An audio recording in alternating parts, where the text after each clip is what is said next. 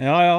Nye som gamle grusnisser, velkommen til Rallnord podkast. Det er jo også podden som starter der hvor asfalten slutter, og her vi snakker på lav oktan om de tingene vi liker så godt. Adventure, offroad, roadbooks, events, utstyr og duppeditter, reiseskildringer og personlige historier fra nær og fjern. Mitt navn det er Dennis Travolta, og alt som er levert til deg, enten du hører på podkast eller ser på YouTube, er takket være patrons. Nå kjører vi!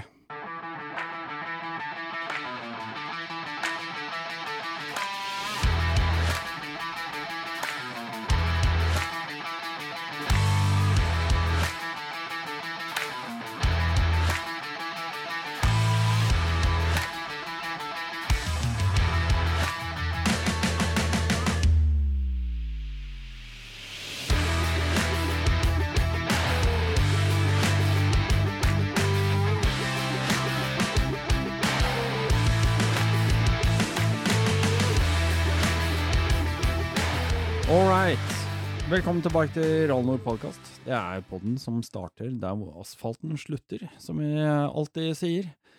Og eh, denne gangen så skal vi faktisk ta et uh, tilbakeblikk, altså et dypdykk i arkivet. For det, det du skal få høre nå, det er rett og slett en episode som uh, blei spilt inn i januar i 2023.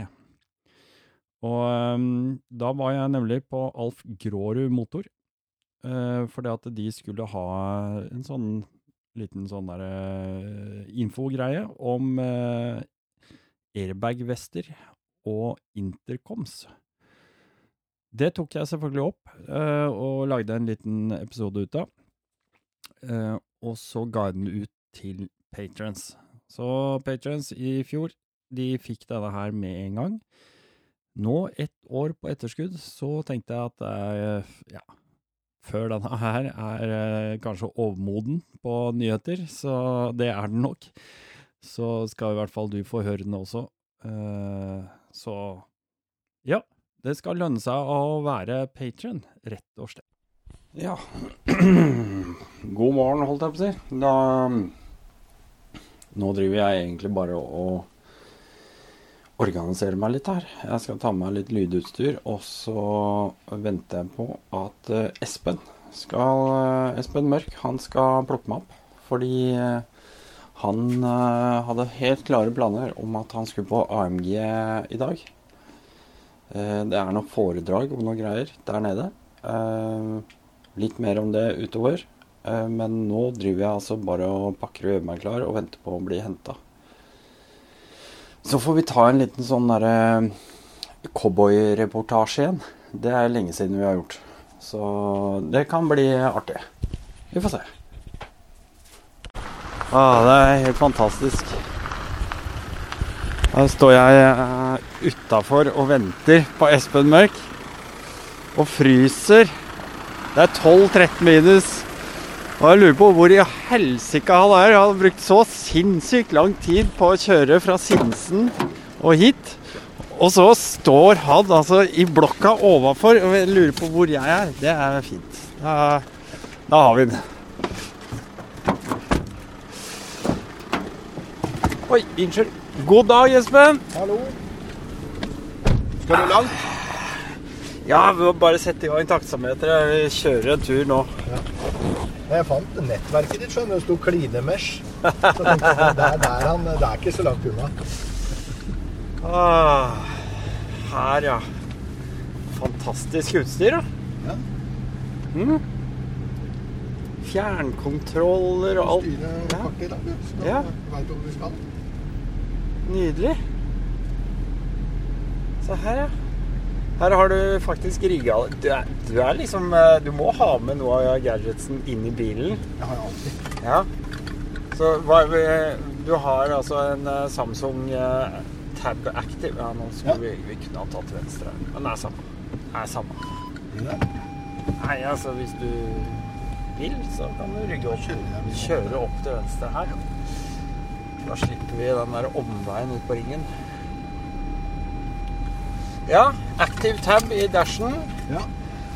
Og så en sånn eh, Den kontrolleren er fra mm, Hva er det det heter igjen, da? Karpe. Karpe, ja. Karpe-kontroll. I bilen. Kobla. Det, det er fint. Ja, det funker.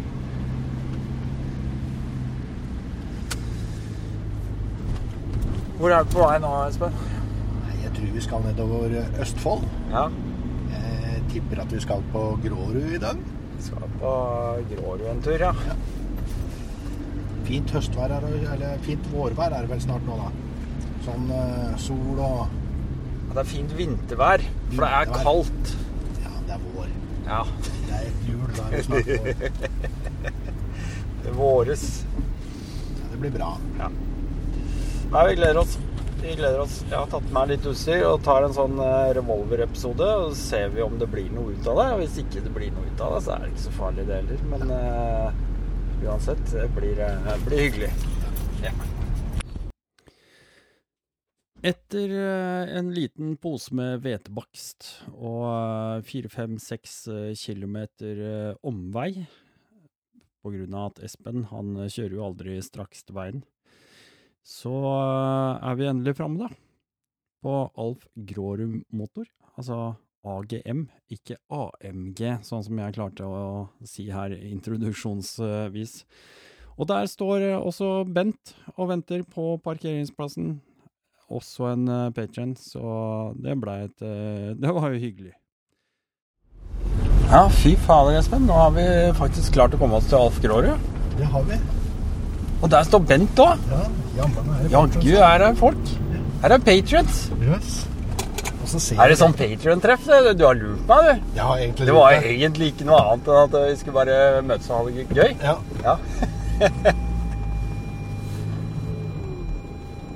ja, dette er jo helt uh, strøkent. Og kartet viste riktig vei, ja, men jeg kjørte feil. Ja. Ja, du bruker Guru Maps. Ja. Hvilke eh, kart er det du har i bakgrunnen? Nå er det sykkelkart. Syk ja, motorsykkelkart? Nei, vanlig sykkelkart, for det er mest detaljerte. Tråsykkel? Tråsykkelkart, ja. Ligger den eh, på den åpne Ja. på Ja, Ja. ja offline. Ja. Og så er det nattdelen, for den er den fineste oppløsninga. Sier du du det? Ja, dette må vi finne ut av. Veldig bra. Nei, nå skal vi komme oss ut. Skal vi se hva Alf Grårud har å by på i dag. Det, det blir spennende. Det er jo noe foredragsgreier, men vi får se hva det er for noe. Og så skal jeg ha med Jeg har jo tatt med en ryggsekk med utstyr. Jeg vet ikke om det var vits i, men jeg har jo gjort det. Hva skal vi se her Skal vi se her. Jeg må ha med i tilfelle jeg får noe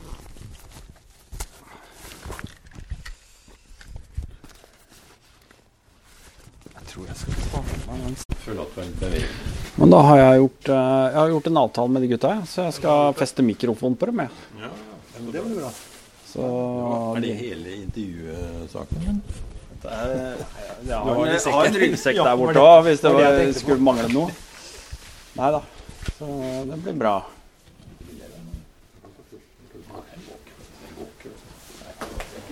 Tenk deg, guttungen brukte første hele lønna si. Jo, men ja. Det, og så støvler til 4000. Han kjøpte den. Ja.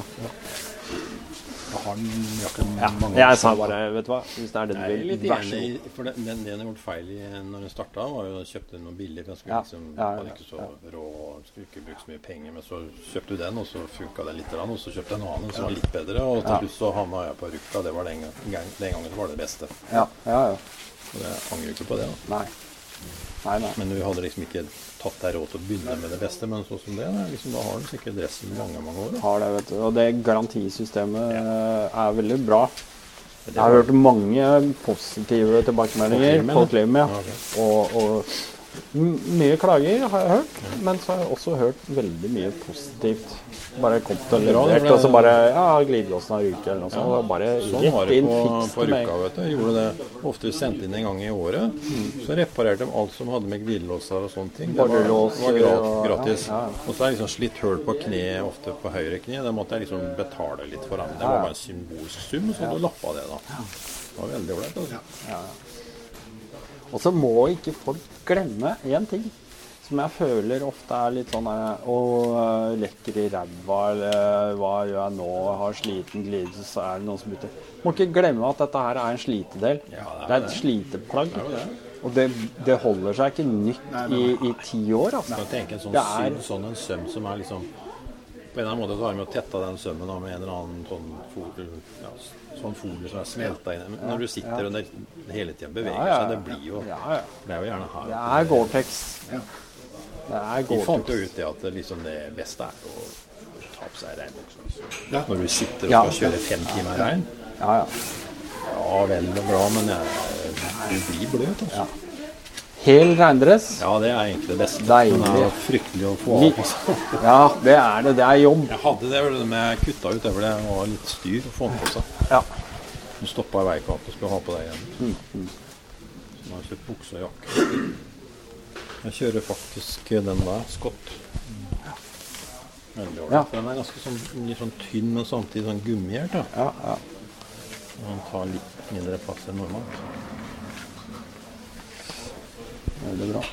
Ja, og etter en eh, kjapp introduksjon av meg selv eh, til eh, de folka på Alf Grårud Motor, så fikk jeg lov til å feste en liten mikrofon oppi skjortekragen. Så et par av de som eh, jobber der, jeg beklager, jeg husker ikke navnet på dem akkurat nå. Eh, De eh, bare heiv på seg denne mikrofonen, og jeg starta opptak. Så nå kan du faktisk høre, i hvert fall, eh, hva som ble sagt der oppe. Ja, skal vi sette i gang? Eh, velkommen alle sammen. Det er hyggelig å se så mange ansikter eh, på en lørdag når været ikke er helt motorsykkelføre. Kanskje nesten, men ja. Eh, tar en, eh, det er jo todelt den eh, presentasjonen i dag på en måte. Det er Først snakker vi litt om vårt sortiment innenfor airbag. Eh, og så skal vi snakke om litt intercom-typer etterpå, og litt hva som er forskjellene på det. Ehm, så vi starter med airbag. Eh, vårt, vi snakker om vårt sortiment litt til, eh, til vei eh, i dag. Har dere spørsmål utenom det, så er det bare stille underveis. Og så stille spørsmål generelt underveis. Det går helt fint. Eh, vi starter med Dainese. Eh, sikkert mange som kjenner til den eh, fabrikanten. Er vel en av de store leverandørene til sikkerhetsutstyr til eh, motorsport, både på eller mest på tohjul. Eh, hvis noen ser veldig mye på ski, så ser de også at de lager sikkerhetsutstyr for alpinutøvere også. Så faktisk airbag brukes når de prøver å gå på huet ned Kitzbühel, sånn som de gjorde i går. Så er det mange som kjører med airbag, faktisk. Eh, I vårt sortiment så har vi to typer. De har vært med oss i noen år nå, faktisk. Det er smart-jacketen. Den kommer både til herre og dame, hvor eh, størrelsene er eh, forskjellige og passformen er forskjellig. Eh, det ser dere jo for så vidt på bildene òg. ja. Det som er med den, det er en helt universal. Den kan brukes under hvilken som helst jakke. Den kan også brukes utapå hvilken som helst jakke. Det er jo unikt med den, eh, de to modellene. Eh, det som er viktig å huske på hvis du har den under, er jo at du har et mellomrom til eh, jakka utenpå. Som naturlig nok er anbefalt å kjøre med. Det er jo hvis det skal smelles, så er det jo praktisk at den ikke sømmer fly veggimellom, og det blir litt trangt inni der. Uansett, selv om jakka er trang, så er det kan du ha en Så er det jakka som gir seg før deg også, bare så det er nevnt. Så det går fint. Eh, det er eh, beskyttelseselement foran, hvor det sitter en airbag som sitter sammen med en eh, ryggbeskyttelse. Så du får bryst og rygg i denne vesten. Eh, gjelder begge to. Eh, da får du et skjold rundt eh, hele deg som tilsvarer sju klassiske level 1-ryggskinner. Du har jo to typer ryggskinner. Det er level 1 og level 2, som er forskjellig hvor mye energi de tåler. Eh, Dainese har jo brukt lang lang tid og brukt airbag i mange mange år på, eh, i Moto GP, hvis dere kjenner til det. Eh, så det gjør jo at de har henta ekstremt mye erfaring og data, ikke minst, inn i eh, disse vestene. Eh, vesten eh, har ingen oppkobling til sykkel eller noe sånt. Den står helt fritt for seg selv. Eh, det er sikkert mange av dere som har sett airbag-vester som man hemper på sykkelen med en tråd og sånne ting som det. Men airbagen løser jo først da ut når den tråden blir nappa av. Da løser den ut. Her er det sensorer, eh, både på gyrometer, akselerometer, til og med GPS-signaler, som er med sammen med en datapakke, som overvåker eh, deg som bruker hele tida. Den regner faktisk ut eh, 1000 ganger i sekundene omgivelsene rundt deg. Så det går eh, ganske hyppig da. Jeg har iallfall ikke sjanse til å holde følge med eh, når det kommer til å tenke i sekundet. Eh, det gjør jo det at når den får et avvik inni dataprogrammet sitt, så løser den seg ut. Det gjør jo at med en gang du forlater setet, bang, hvis den har eh, algoritmene tilsier at det nå skjer det noe. Og det er jo påkjørsel bakfra frontkollisjon, så løser den ut mye tidligere enn de tradisjonelle som sitter med en tråd. Eh, det er jo det som gjør eh, De kaller den jo smart, og det er jo det som er litt airbag-typen. Eh, og det er også det som gjør den, eh, gjør den unik da, kontra de andre, at den tenker selv. Der ser dere jo for så vidt eh, airbagen eh, på vesten. Det er to luftpatroner som sitter inn. De kan ikke dere bytte. De må byttes av dem som er kursa i det. Eh, og grunnen er at de kjører ut begge to samtidig med noe som heter argongass. Argon er lettere enn luft, og det er rett og slett grunnen til at de bruker det blåser seg opp raskere enn om de hadde brukt vanlig CO2. Så hele tida så handler det om å tune eh, produktene sine til at det skal gå raskest mulig når eller hvis man er uheldig. Eh, som dere ser, batteritid 26 timer. Fleste vester ligger rundt der på det. Eh, lades eh, noenlunde raskt opp med vanlig eh, USB-lader. Eh, denne modellen må kobles opp mot PC-en, hvor du laster ned et program på PC-en din som faktisk kalles en app, men det må gjøres på PC-en, hvor du gjør alt av oppdateringer etc. Og det er jo hvis det er noen ulykker ute i verden, så henter Dagnese ned den dataen, ser på det, og hvis de finner at dette er vital eh, informasjon, så laster de opp det, og så får dere en oppdatering på det. Så hver og en som bruker den vesten her i det daglige, er med på å utvikle produktet. Det er litt kult. Eh, ja. Så er det jo litt eh, hvordan det fungerer og hvordan det ser ut. Eh, vi har den jo her. Hvis jeg gjør sånn, så ser dere jo for så vidt noen fibre inni her. Eh, det er mellom ytterlag og innerlag. Det vil si at den aldri kan gå ut mer enn maks. på en måte. Men det gjør jo at du får den hardheten raskere enn om den bare hadde vært en pølse eller en ballong. Eh, og Det gjør at trykket blir der, og at du får skjoldet mye raskere. Det er jo det som også gjør den unik. Eh, er man jo, eh, løser den seg ut, så bytter man faktisk hele airbagen for å ivareta sikkerheten til, eh, til dere.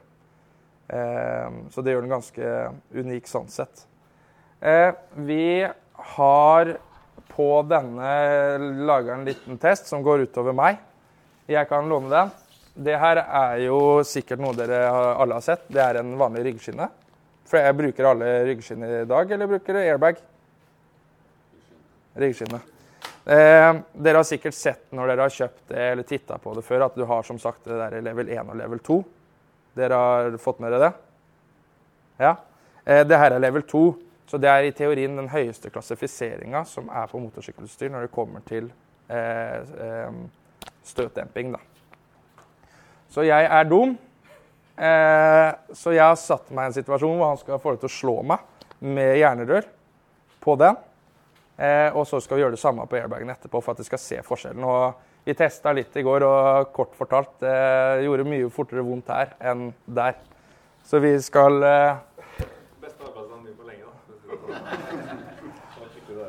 Det var mange som ville egentlig stå i kø på den arbeidsoppgaven, så jeg vet ikke om jeg må ta litt sjølkritikk, jeg, men jeg tenker at jeg ikke gjør det. Ja. Og mange som sto og titta, for å si det sånn. Kommer også i forskjellige lengder på magebeltet hvis eh, det behovet skulle dukke opp. Så ja, lykke til til meg. Ja, jeg er klar, jeg.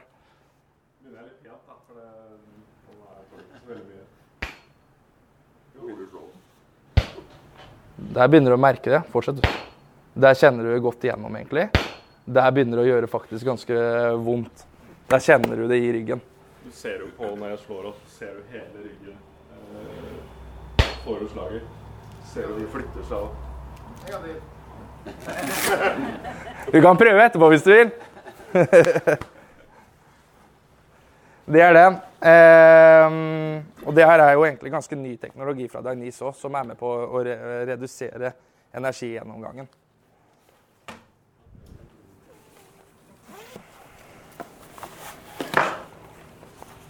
Som dere ser i Vesten, så har dere også justeringsmuligheter rundt her eh, for å tilpasse den eh, deg som person. Da.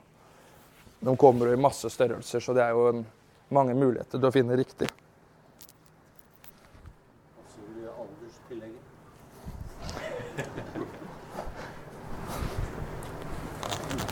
Det er jo noen sånn demomodell, eh, så den blåser jo opp bare med luftkompressor. Eh, det vil gå litt fortere eh, i virkeligheten. Her ser du den knappen her, er hvordan du aktiverer. Når jeg gjør sånn, så har du motstykket der. Det gikk ganske greit. Da aktiverer den seg, og da vil den blinke her i riktig farge og sånn, og da er den aktiv når du skal kjøre. Klar? Ja.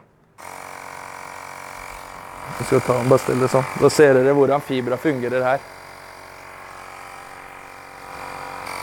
Her kan vi gjøre det gang på gang på gang på gang uten at det ødelegger den fibra. Man tenker alle de små fibra som er inne her, vil eh, få kjørt seg såpass at for at de skal ivareta sikkerheten til deg, så eh, tar de og bytter hele airbag-resten når du har vært utsatt for eh, et uhell. Du ser det begynner å bli ganske hardt, hardt, men eh, det skal litt til. Heldigvis så skal den opp litt til. Nei, ikke noe problem. Det er jo langt annet trykk på en fullverdig versjon, men hvis du kjenner her, så begynner det å bli ganske hardt. Da nytt forsøk, da. Ja.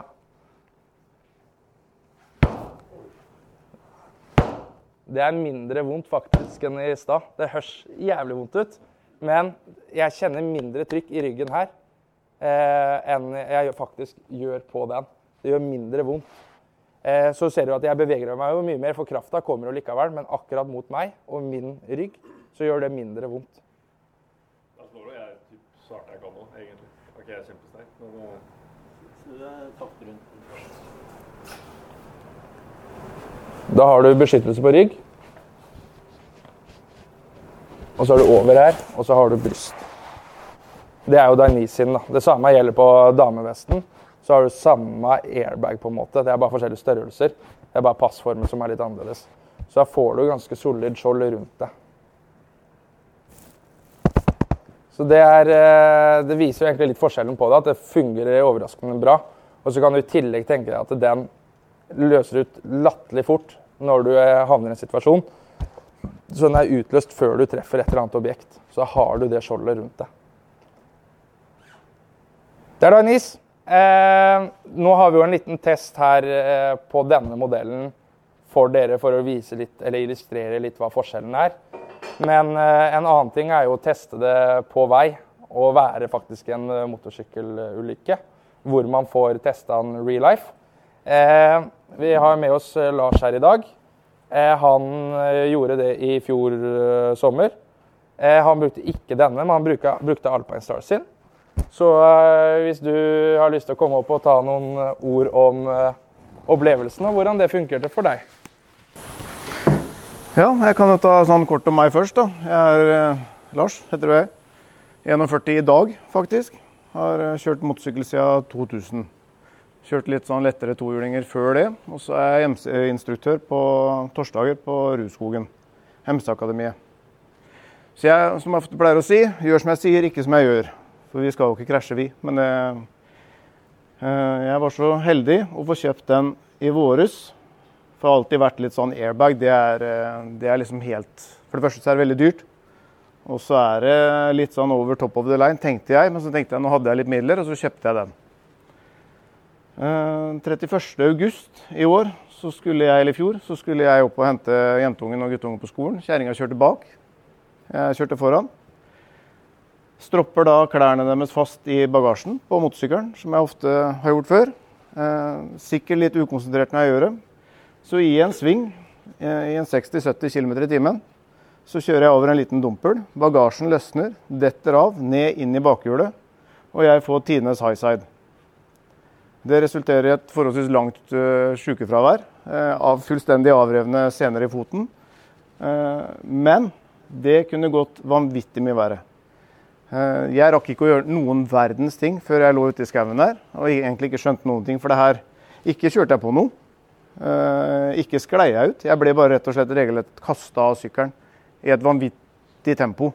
Så jeg skjønte ingen verdens til. Og til og med kona mi som lå bak, hun fikk ikke med seg noen verdens ting før hun så at jeg var ca. halvannen meter opp i lufta over sykkelen. Det var det forvarselet vi fikk. Men eh, når jeg da kommer litt til meg sjøl ute i grøftekanten der, så innser jeg at foten peker jo gærne veien. Og jeg har litt vondt i høyre skulder. Og jeg får nesten ikke puste. Eh, det er den bagen som løser ut i en litt for trang skinnjakke. For jeg kjøpte jo den eh, med den gamle skinnjakka mi, så jeg tok ikke noe særlig høyde for at den skulle ha plass.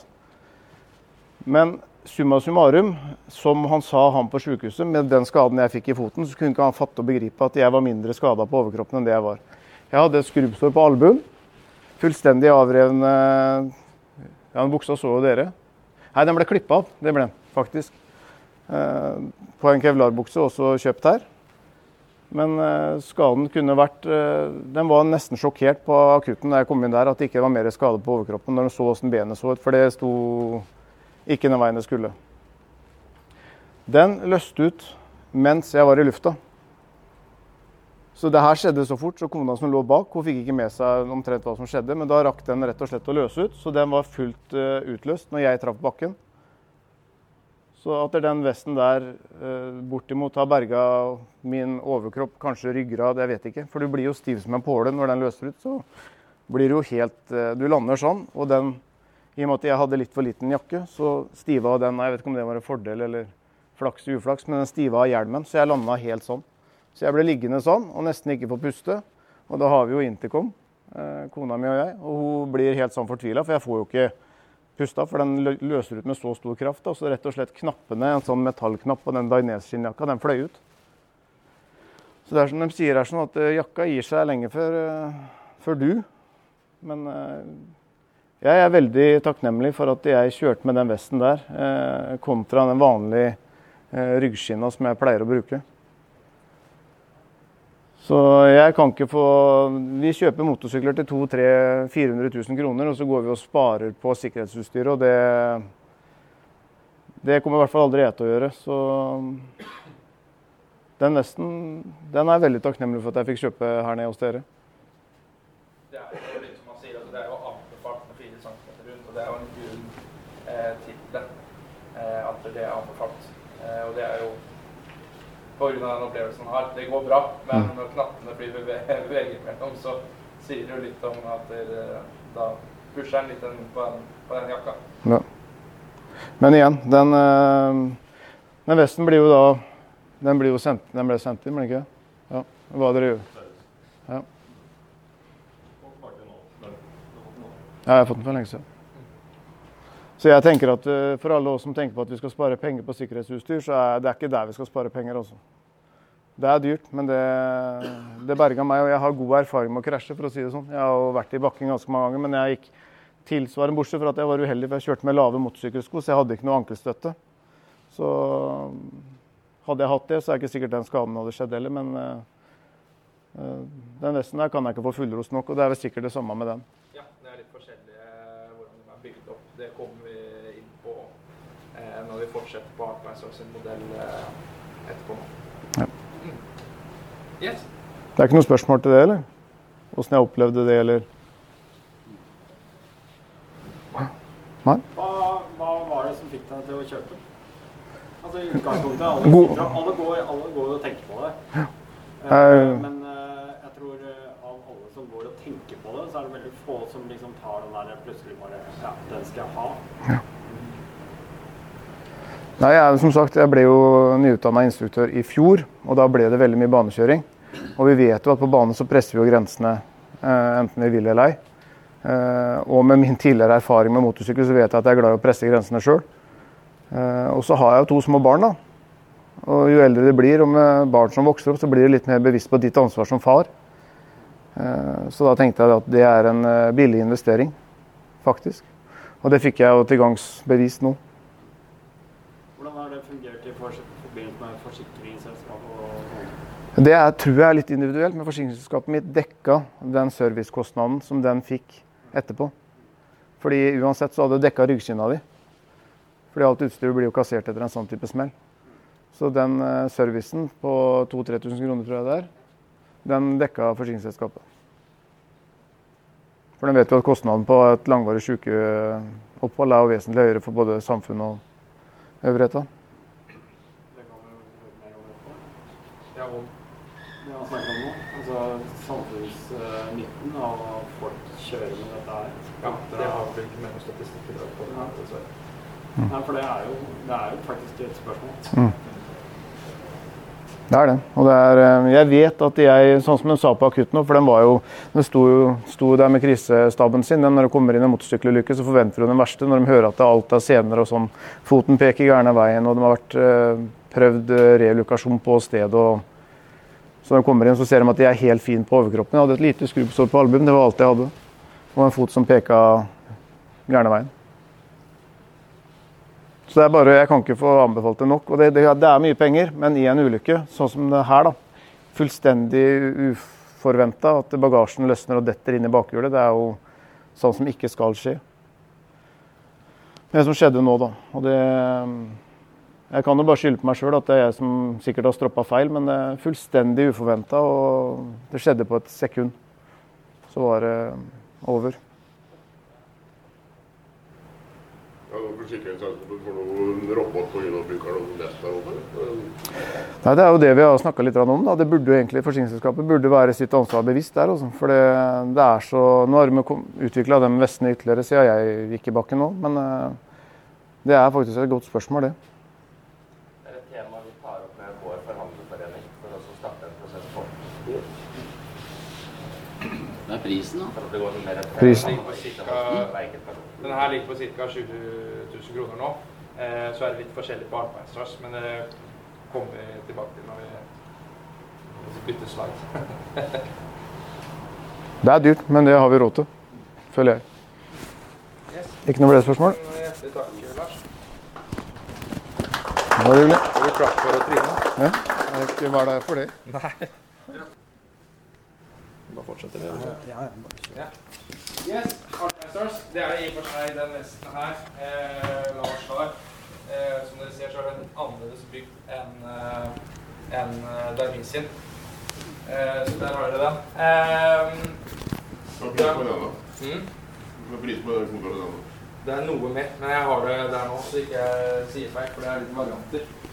Eh, Alpine Stars.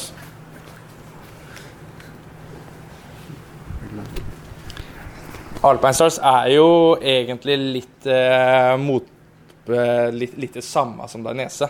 Stor italiensk eh, produsent på sikkerhetsutstyr. Dere har sikkert sett eh, logoen på Formel 1, eh, branndraktene og hele veien, så de må være store i den industrien. I, til i år, så vi har ikke fått dem enda, så har de utvikla sitt sortiment ytterligere. Og De har egentlig enda en til på vei, men den venta de litt med for at de måtte få helt 100% kontroll over algoritmene. Eh, Tech Air 5 vil fortsatt være på en måte hovedmodellen. Det er den der eh, i serien. Så har de kommet med en ny innstegsmodell som også kommer i dameversjon, eh, som heter Tech Air 3. Den er mye mer lik den. Og så har de Tech Air 10, som er en helt ny komplett, som er eh, mer basert mot racing, selv om den har samme funksjon som den. Men da har du beskyttelse på, på hofter og Ja. Vi kommer til den. Eh, kort fortalt så kan du egentlig bare si det jeg sa der. Kan jeg også si der. Eh, samme funksjoner, samme sensorer. Eh, bruke algoritmer for å regne ut. Fungerer på samme måte når den løser seg ut. Eh, men de har likevel gjort det litt annerledes. Eh, du har en app, den er litt mer handy når du er ute og bruker, hvor du kan kartlegge ruta di. Du kan aktivere den, deaktivere den via telefon istedenfor bare den knappen. Eh, det kan du for så vidt gjøre der òg, med eh, denne. er siste som sørger for at den er på, men du kan også gjøre det via telefon. Mange har jo blitt populært med quadlock som du har på styret. Så kan du styre den derfra. Eh, det som er spesielt med den, er at du har jo en street mode, altså algoritmen er basert på å kjøre på vei. Eh, men når du da kommer opp og på banedag, stopper på Rudskogen, tar du telefonen din, trykker på en knapp, går litt tid, racing mode. Da endrer den algoritmen og har mye mer fokus på eh, high side og low side.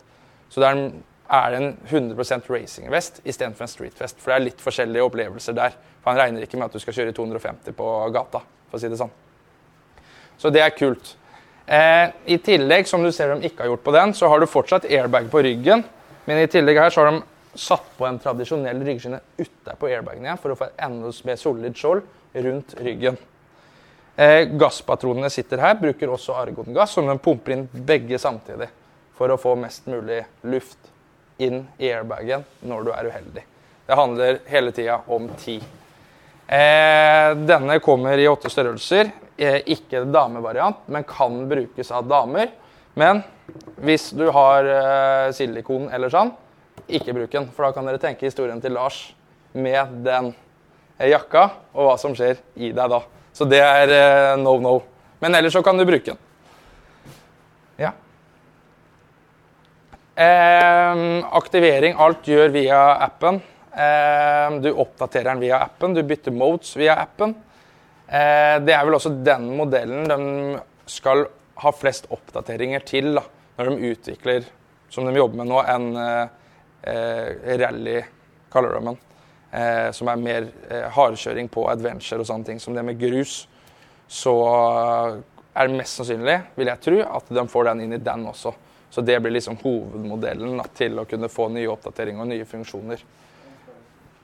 I forbindelse med det, er det en oppdatering du får på det, som er en software-oppdatering. Ja. Eller så du kan kjøpe den per dag, og så når adventure-setupen kommer. Jeg, jeg, vil tro det. Vi har ikke fått det bekrefta ennå. Eksempelet var at når den kom for et par år siden, så kom den bare som street mode.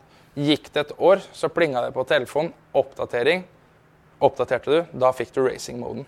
Så da fikk du egentlig den racing-vesten gratis i det kjøpet. Så det, da fikk du bare to funksjoner på hvilket bruksområde du skal ha. Så håpet er jo at den eh, adventure, eh, cross, eh, enduro-funksjonene skal komme inn i den. da. Eh, det jobber de kontinuerlig med. De har førere i Rally Dakar etc. som kjører med vester hele tida for å optimalisere det. Utfordringen der er jo at førerne innimellom når de går på huet, for de går jo på huet støtt og stadig, så er det når skal den løse ut, og når skal den ikke løse ut. For de blir jo forbanna hvis den løses ut litt for tidlig når eh, han skal opp på sykkelen igjen, for det var ikke så stor smell. Eh, men på vei så er jo det litt annerledes. Eh, så det er jo litt der utfordringa ligger. Litt sånn tips på hvordan du lader opp etc. står naturlig nok i instruksjonsbok, så det er litt sånne hensyn å ta. Det, jeg, det gjelder for så vidt begge. Og også det med å sette i lagringsmodus og sånn, men igjen, du gjør det, gjør det via appen. Eh, det som er greit å nevne når vi er inne på det, gjelder for så vidt begge to, er jo det vi når vi snakker om grus. De er ikke anbefalt å brukes på gruskjøring, aktiv gruskjøring. Det er pga. da slipper hjula litt. Det er litt mer bevegelse, som er uvanlig kontra hvordan sykkelen oppleves på asfalt. Det høres sikkert egentlig ganske logisk ut. Eh, så det anbefaler de ikke, men sånn rolig gruskjøring sier de at da kan fortsatt være aktiv. Men de fraråder det pga. da kan den løse seg ut. Men igjen Der har du skrudd den av. Kjør grus. Det er jo også kanskje det som er fordelen med den innenfor at den er mer universal, er jo at selv når du da setter den i skruen av, så har du fortsatt den level 2 ryggskinnen på. Så det er jo en fordel. Eh, samme status der. Ca. 4 cm klaring rundt eh, på utvendig jakke. Eh, Alpine Stars har på nye modeller nå, på vanlige jakker som egentlig ikke har noe med airbag, så har man en liten logo som heter Tech Air Ready. Da er jakka tilpassa til å kunne ta den utvidelsen av seg selv, så slipper du egentlig å tenke på det. Eh, eller som de het før, så står det ofte på noen skinndresser Tech Air Compatible på eh, sidene. Det er jo nå forbi. Men hvis noen har en sånn skinndress, så er det også laga for at du kan ha en airbag under, og at det mellomrommet er, eh, er tilgjengelig. Her ser dere eh, prisen på denne. Eh, så ser dere også hastigheten på hvor fort den blåser seg opp. da. 20-40 millisekunder.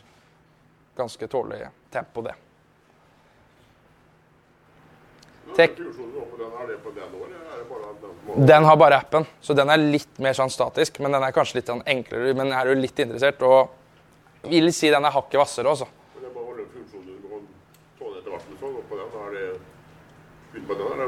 Det- Ja, den, den har du ikke der. De har ikke laga den enda. Eh, så den har vært liksom Kall den litt mer eh, nymotens, da, med at du har litt mer funksjoner, du har litt mer handlingsrom og sånne ting som det. Det er jo forskjellen. Samtidig så dekker den jo et større areal. da. Den dekker sidene her. Det gjør jo ikke den. Så du har airbag her, samtidig som den går litt over skulderpartiene. Litt sånn som du ser her. Det her er jo ikke den. Det her er Tekker Teen. Eh, helt nyhet. Eh, minner meg egentlig mest om sånn triatlondrakt med korte armer og ned til låra. Så du får svømt og hele pakka. Eh, er jo egentlig mer racingvest, eller dress, er vi egentlig på nå. Men den er veldig lik den i alle funksjoner, oppsett, teknologi, eh, drift etc. Men du nevnte sånn i Det var med dem, da. I med liksom at den lyser det når du og det er jo du til på det. Ja. Hvis du bare gikk ut og kjører og reiser opp over store kjøreliter og Nei, det, du har ikke den hastigheten. Uansett. Det er ikke det er bare den hastigheten du lyser på. Ja. Det er, eh, det er ikke noe uvanlig bevegelse, eller en brå bevegelse, at du reiser deg opp. Eh, så det er jo litt sånne ting som er, gjør det smart. da. Men det er jo den datapakka og den erfaringa de på en måte har lasta opp i hvordan den skal tenke, som gjør at du, de daglige, vanlige tinga fungerer. Men når det derre brå, uventa skjer, så skal den gjøre jobben sin. Så det er jo lang, lang testa teknologi. De har jo holdt på å være her 20-25 år, faktisk. 25 år med airbag-testing på e-racing. De har jo en, Både Dainese og Alpinestars har en hel buss, fullverdig buss med teknikere som hele tida sitter og overvåker eh, førerne sine ute på banen for å se hver minste ting på hvordan ting skal reagere. Eh, som sitter hele tida fintuner og optimaliserer det her. Sammen med egentlig alle oss som er ute på veien med den airbag-vesten, eller de airbag-vestene, er også med på å hele tida oppdatere den datapakka som forhåpentligvis og, eh, skal redde liv, da. Eller alvorlig skade. Eh, litt samme som dere ser, litt samme statistikkene på hvordan det fungerer, batteritider og sånne ting som det. Eh, her ser dere jo egentlig hele oversikten på den. Ser jo solid ut, da. Lever de på noe hvis du ser bort fra fra smeller. Det er serviceintervaller på det. Det er vel to og tre år eh, som det gjelder. Eh, og det er egentlig bare en datasjekk. Eh, der er det vel noen kilometer eh, som også kan kicke inn. Hvor lang tid du har brukt den, eller hvor mange timer. da. Eh, så må du bare inn for, for å få en oversikt. Og Det er jo for at de skal kunne stå ansvarlig og liksom ha litt den der, eh, det greiene der. For det er jo, det er jo et beskyttelseselement som, som skal fungere, og som skal holde, holde det som er lovt. Eh, Taker 10, der sitter jo den der eh, dataplata som vi snakka om i stad, som viser lyssignaler på om det fungerer og sånne ting som det. Den er faktisk avtakbar. Den kan du bare ta og sette på styret. Litt kult. Eh, men ryggskinner og alt sånn, så der ser dere har de egentlig utvida den eh, med enda lenger, men også hofter, og enda mer på skuldre enn tidligere modell. Det er det nærmeste du kommer å kunne ha tilsvarende airbag-system som de har eh, som den beste sjåførene i verden har på banen. Nærmeste du kommer. Det er jo derfor de har laga nå, for å komme så nærme som det er, til en allmenn person, for å få den samme sikkerheten. Så å kjøre på bane er det det beste. For da får du også hoftene. Du beskytter bena litt òg. Eh, de har andre racingvester. De har vi ikke med her og snakker om i dag. Eh, det som er spesielt med dem, er at de kjører inn én gasspatron og kjører ut til vesten. Og så når den gir seg, så har du fortsatt én igjen. På de street-modellene så kjører de inn begge med én gang. Og grunnen er jo at hvis du har en løpshelg og den løser seg ut, så kan du fortsatt komme deg opp på sykkelen og kjøre videre og ivareta sikkerheten. Eh, det er nok tidsspørsmål før det kommer en videreutvikling av det mot racing igjen. da. Men eh, så lenge man ikke kjører løp, løp, løp, løp, men heller en banedag, så er vi innpå at de modellene her er best for, eh, for dere. Etter sånn vi ser det. Eh, noe høyere pris, 13 595. Eh, du får også en sånn der kondomdrakt som du kan ha under og litt sånne ting som det, men det er jo, det er jo litt eh, rotte der. Eh, der ser du også at det er to centimeter rundt hofter, så her må du ha litt grann å gå på der også. Men eh, igjen, eh, har du Alpinestars produkt som er Tech Air Ready, så slipper du å tenke på det. Skinndressene kommer også i det. Så er det også en nyhet i år. Eh, blir første airbag-vesten for damer eh, fra Alpine Stars. Det er Tech Air 3. Kreative navn, som dere ser. Eh, det er jo en rød tråd der. Veldig mye mer lik den, kan vi egentlig si. Eh, så det er litt eh, innstegsmodellen til Alpine Stars eh, som det blir, da.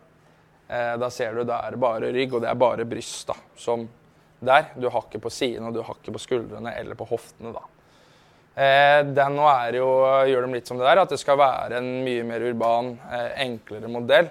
Så den nå kan du ha både innvendig og utvendig. Den og Tekker 10 kan kun være innvendig, og så skal du ha dressen på utsida. Det er jo også en fordel å ha det på kropp som alle beskyttelseselementer. Det er jo veldig sjelden at vi ser folk kjøre med ryggskinna utapå skinndressen. Jeg, jeg har i hvert fall ikke sett det, jeg vet ikke med dere. Men eh, det viser jo at du må få beskyttelseselementene på kroppen for at det skal gjøre best mulig jobb. Da. Så det er den. Eh, både Tekker 10 og Tekker 3 kommer forhåpentligvis litt utover våren. Dessverre hadde vi ikke dem her i dag. Det hadde vært litt moro. Så det er den.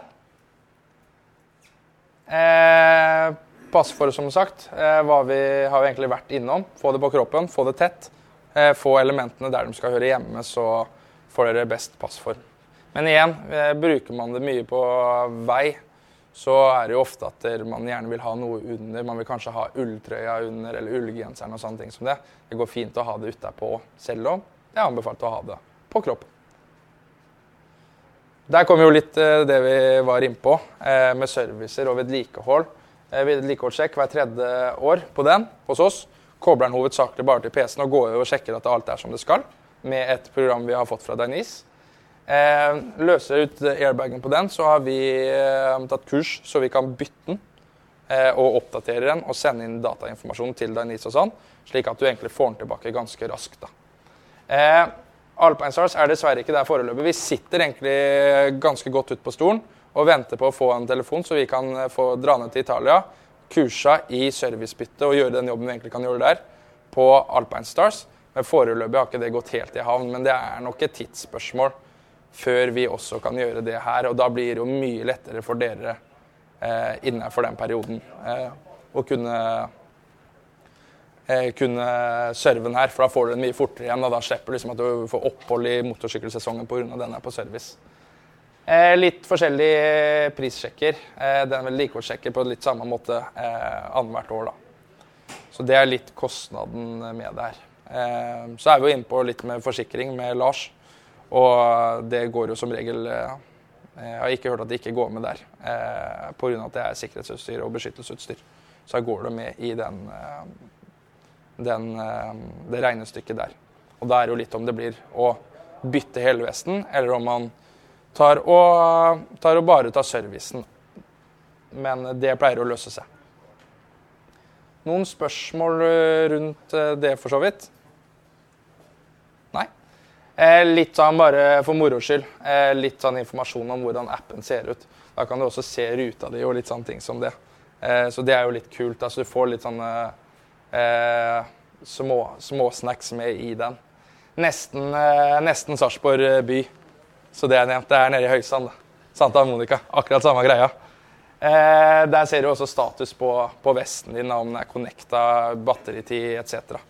Så det er jo egentlig ganske handy at det har jo, Alle har jo med seg den hele tida nå, så det er jo, å ha den informasjonen der er jo en liten fordel, etter min personlige mening.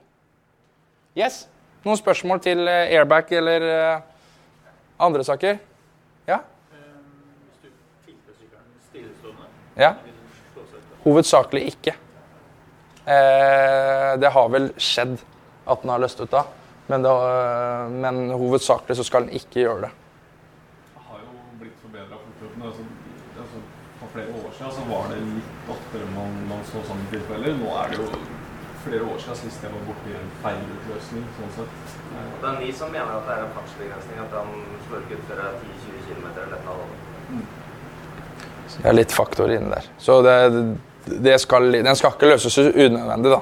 Og det er jo, de har kommet ganske nærme på å perfeksjonere det nå. Men eh, ja. Jeg kan jo bekrefte det, for jeg gikk på ræva på trappa hjemme med den Da er det ikke ute selv om det blir Nei.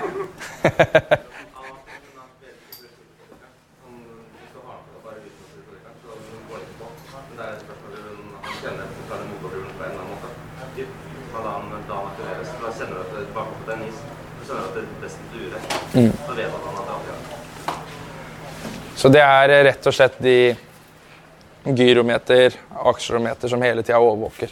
Det Ja. Hvis du er litt uheldig da, på 1,80-sone, altså så du ikke at det er 60 der, og så smeller det, for er forsikringsselskapet figurer på de dataene der, eller sånn at da blir det Ja, at de eh, titter på det.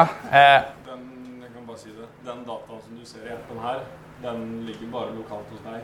Eh, det går ikke noe til Denise Lapan Stars før du faktisk har hatt en ulykke. Da er det den krasjdataen, altså sensordataen fra to sekunder før det smalt, og to sekunder etter. Det er det som vi ved service i programmet til Denise Lapan Stars sender på deg.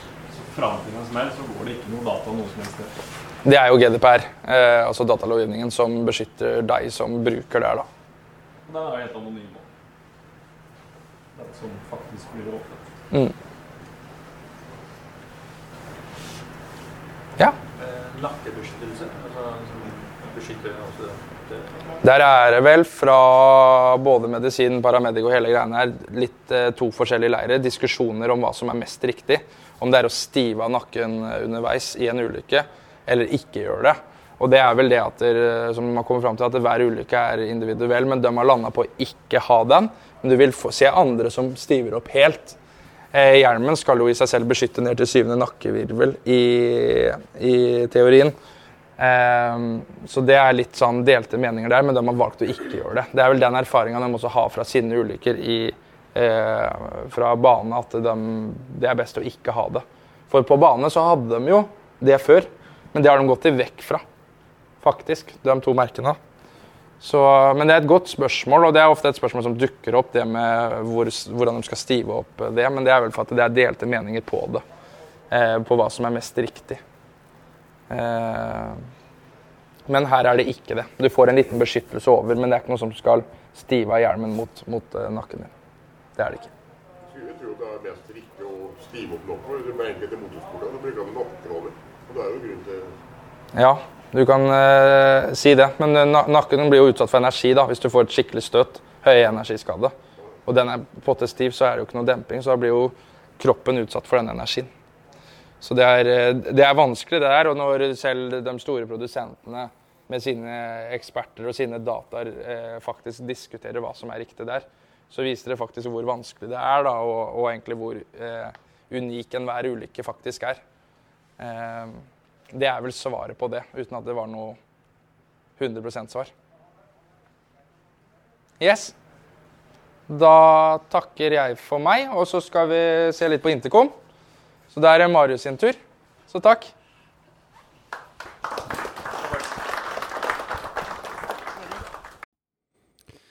Det var eh, første avsnitt i denne episoden, egentlig, som eh, dreide seg jo om airbag-vester, rett og slett. Selv om eh, prisene og modeller og alle disse tingene er eh, sikkert eh, way beyond utdatert nå, over et år senere, så regner jeg med at veldig mange av de tekniske svarene blei gitt, og de de er jo som de er uansett. Vi hørte jo også Lars fortelle litt om sin opplevelse av airbag vest, og hvor plutselig og eh, helt ut av det blå han faktisk hadde behov for den. Så eh, absolutt til ettertanke. Vi eh, fortsetter videre i denne episoden med å høre om intercoms, rett og slett. Yes, da var vi ferdig med sikkerhet. Eh, Da er vi over på lyd. Preking i stedet. Det er vi jo gode på. Er det noen her som kjører med intercom i dag, eller? Vil jeg tro. Ja. Har jo blitt veldig vanlig. Det har jo eksplodert de siste ja, fem til åtte åra. Så har det jo virkelig tatt av her òg. Eh, hele bransjen har jo også eksplodert. Du får jo så mange merker og du får så mange forskjellige modeller. Og hele temaet har jo blitt veldig, veldig, veldig stort. Og også litt forvirrende, eh, kan det fort være. Fordi alle sier at de fungerer om hverandre. Alle er egentlig best. Eh, og alle er kjempelette å bruke. Men det er ikke alltid på en måte svaret. Eh, så det er det vi skal ta en liten rask uh, titt på her. Uh, vi får ikke gått helt ned i detaljer på alle modeller, for da blir vi ikke ferdig i dag i hvert fall. Men vi, vi, tar en rask gjennomgang. har litt fokus på de forskjellige merkene vi, vi er helt klart størst på. og også litt sånn anbefalinger i forhold til hva man kanskje bør se etter. Så vi begynner litt rett og slett på hva behovet er. Det er gjerne det første spørsmålet jeg stiller, stiller en kunde eller en, en kompis eh, som lurer på hva for intercom man skal se på. Så er det hva man har behov for. Eh, for du får modeller i alle prisgrupper. Eh, og med noen har viktige funksjoner som er viktige for meg, men kanskje ikke er det for deg. Så de spørsmåla vi først stiller, er gjerne hvor mange skal man være i en gruppe. Når vi sier i en gruppe, så er man hvor mange pleier du å kjøre med når du er ute på tur. Eh, langtur, eh, kveldstur, kjører du med noen, pendler du til og fra jobb med noen? Altså hvor mange er du vanligvis med? For veldig mange så er det ja, alt fra to til eh, seks. Eh, noen er større gjenger, drar på en sommertur hvert år hvor man er 12-13-14 stykk. Eh, de faktorene bør man ta med seg. Eh, kan være lurt, for det er, vesentlige forskjeller der. Neste spørsmål er hvilken intercom har de andre du skal kjøre med? Ikke nødvendigvis helt ned på modell og årsmodell, men, men, hvilket merke de har, er ganske vesentlig eh, i forhold til hvor smidig det skal fungere. Neste vi spør, er har man behov for lang rekkevidde, eller er man stort sett i en ganske samla gjeng? Har man en motorsykkel uh, av nyere dato, uh, type BMW KTM Triumph med disse TFT-skjermene med masse funksjoner og muligheter for å koble opp telefon og GPS og alt mulig, så, så, kan det være greit å merke seg. Og det samme hvis man har en tradisjonell motorsykkel-GPS, da, Garmin, TomTom eller den slags, på styret. Så er det også noe å si i forhold til valget man bør gjøre, da. Og deretter er vi mer, litt mer ned i detaljer, altså type lydkvalitet. Er man veldig glad i musikk, eh, hører man på musikk hver gang man kjører motorsykkel, så bør man ha det som en ganske viktig preferanse, spør du meg. Eh, talestyring, hurtiglading, automatisk oppdatering er litt sånn mindre, men litt mer nice to have-ting. Vi har en ganske sånn omfattende sammenligningstabell eh, på nettsidene våre. Den blir egentlig bare lengre og lengre for hvert år som går. Selv om vi rydder bort de som utgår, så begynner den å bli ganske offensiv. Men eh, den kan være greit å ta en liten titt på hvis man begynner å på en måte ønsker å luke seg ut en modell eller to. Da. Eh, så den kan gi en ganske grei oversikt. Eh, første merke, som også er uten tvil vårt største merke blitt, er Sena. De er jo uten tvil verdens største produsent av Intercom. Eh, de produserer intercom eller radiosystemer til fabrikker, industri, eh, sykkel, altså Tour de France osv. Eh, motorsykkel, skisport. Det meste er de ganske store på. Og de er også blitt helt klart den mest universale produsenten. Det at de samarbeider med Shoei, Schubert, HJC osv. Bell, en hel masse hjelmprodusenter, har samarbeid med Sena. Så de spesifikke tilpassa modellene man kjøper fra de forskjellige hjelmprodusentene, er produsert av Sena, inneholder Sena-teknologi, fungerer ganske smertefritt med alle Senaer. Så de har blitt veldig, veldig brede i sortimentet sitt. Ta neste. Eh, største nyheten i år, eh, eller i 2022, eh, var Fantasy-serien når den kom. Den kom først i en eh, litt enklere versjon, hvor han da bare hadde den vanlige HD-høyttalerne fra Sena. Eh, sånn rett før sommeren i fjor så kom den i en Harman Kardon-utgave. hvor da Harman Kardon har jobba med Sena både på høyttalerne og mikrofon, og laga rett og slett den beste intercom-lyden vår bransje har hørt, eh, kort fortalt. Eh, utrolig bra lyd, Uh, spesielt hvis du er opptatt av musikk, men gir også en veldig høyt og fint volum. Hvis du har litt motorlyd eller litt vindsus i hjelmen, og sånt, så er det veldig greit å kunne jazze opp litt uten at det bare skraper og, og blir ubehagelig. 50-serien er jo i flere forskjellige versjoner. Du har 50 S-en, som er vår tradisjonelle, vanlige universale intercom hvor du har en festebrakett du monterer på hjelmen, høyttaler inn i mikrofon, og intercomen da er avtakbar. Du kan ta den av, bytte hjelm nummer to, kjøpe deg lydsett til, ha så mange hjelmer du vil, switch over. Du kan ta den av for å lade òg. Så det er den helt tradisjonelle, vanlige intercomen. Og så har du 50R-en, som er egentlig akkurat det samme, helt universal, men den har ikke den festebraketten som er fastmontert på hjelmen. Der kommer rett og slett bare høyttaler og mikrofon rett ut i ledning, eh, og så limer du enheten på, på sida av hjelmen. Så den blir litt eh, smidigere og en litt mindre klump på sida. Eh, deretter har du 50 Sen. Akkurat samme enheten i forhold til Specs, men den har også et 4K actionkamera innebygd i samme enhet. Så den blir veldig Jeg skulle hatt den montert her, men den blir veldig lik den, men den er litt større. Da. Så har du da et kall det GoPro-kamera eh, på hjelmen samtidig. Eh, og det er litt, eh, litt, greit å ha det i én pakke. og Da kan du velge kamera A eller på. Så du må ikke ha på kamera A for å bruke intercomen heller. Og Den har også en sinnssykt lang batteritid, som vi kommer tilbake til litt etter hvert. tror jeg. Hvis du ikke bruker kamera, så har du plutselig et dobbelt så stort batteri i intercomen din.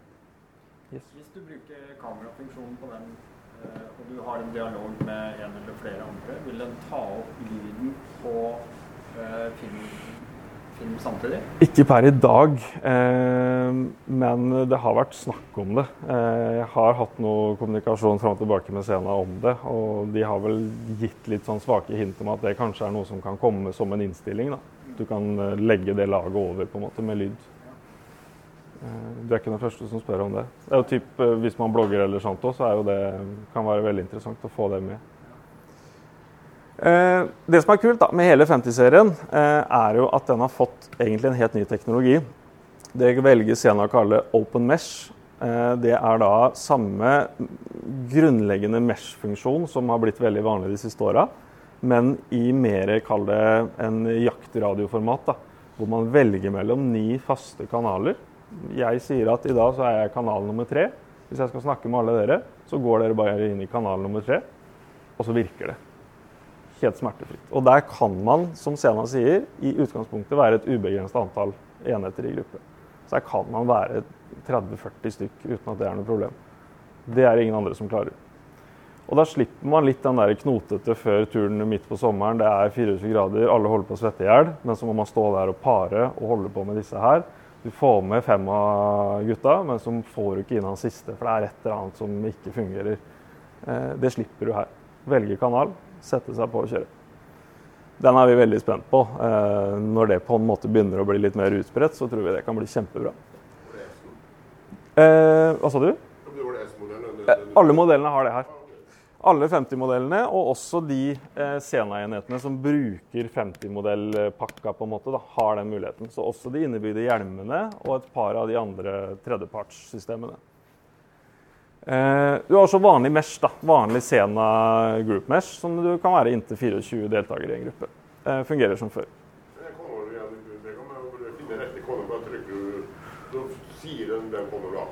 Du kan bruke brytepanelet, og da får du jo tilbakemelding av dama på, på høyttalerne eh, gjennom menyen osv. Men det helt klart letteste er jo bare å ta telefonen inn på appen. Ja, det er klart. Også, det blir jo en liten sånn samkjøringsgreie med disse kanalene her. Da. Eh, for da må man jo sette på en måte en kanal vi er enige om. Mm. Mm. Det skal i utgangspunktet være smertefritt hvis alle velger, velger samme kanal. Eh, alle Sena 50-enheter har automatisk eh, oppdatering.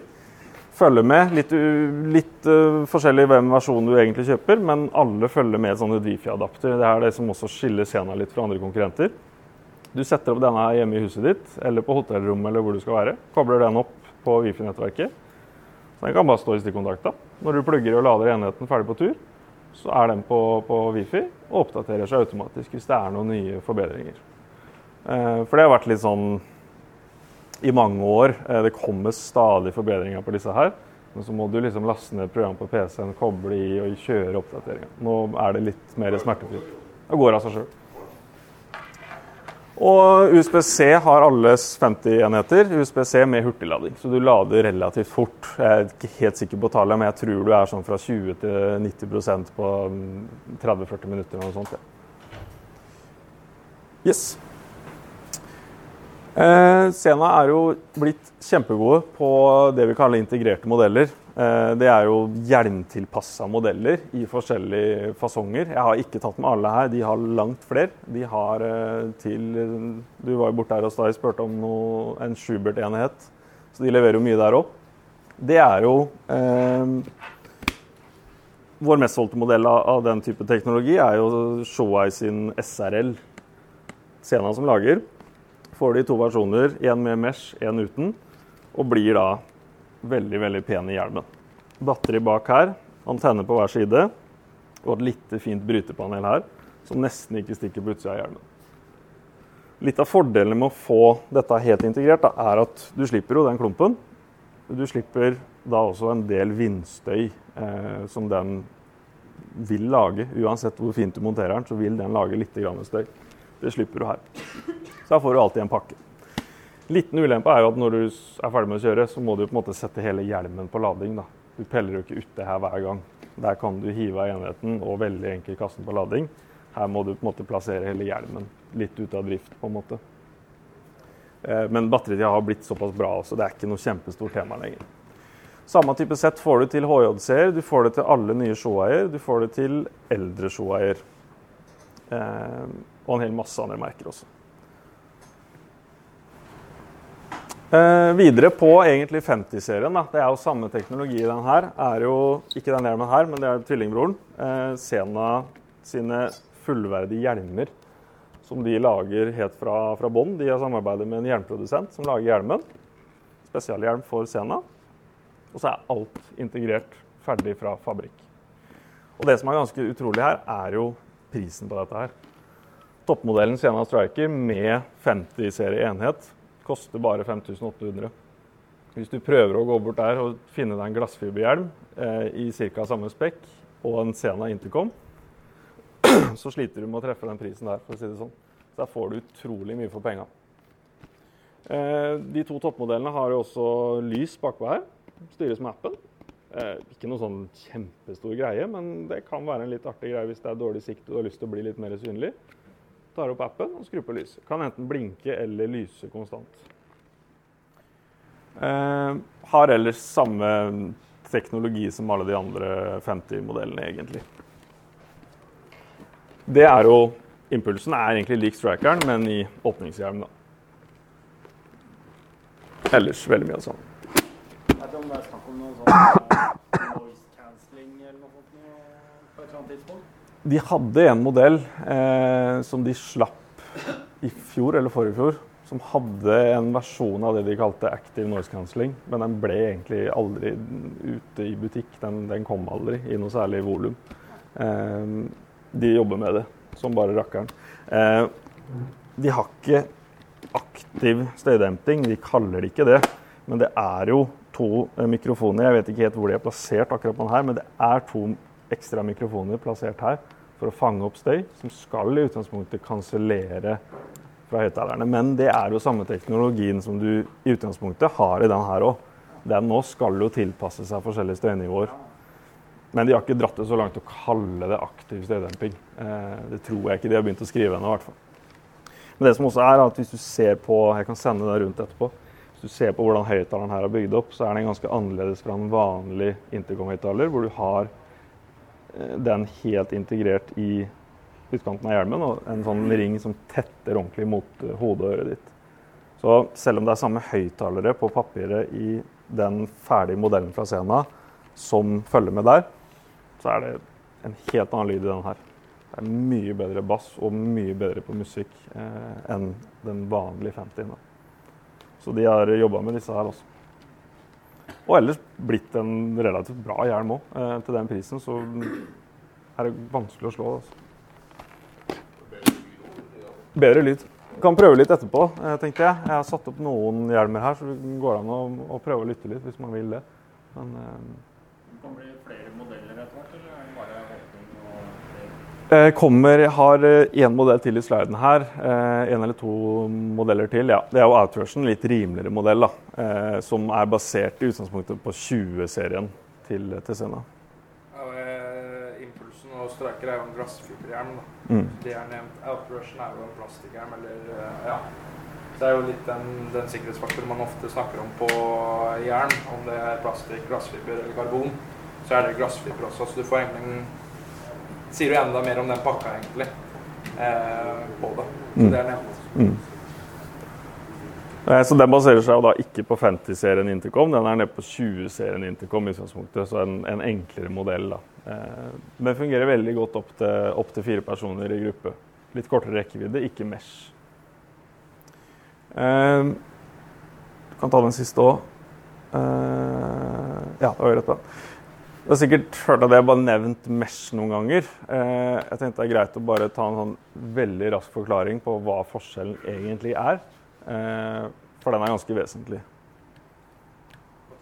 Bare trykk. Mesh?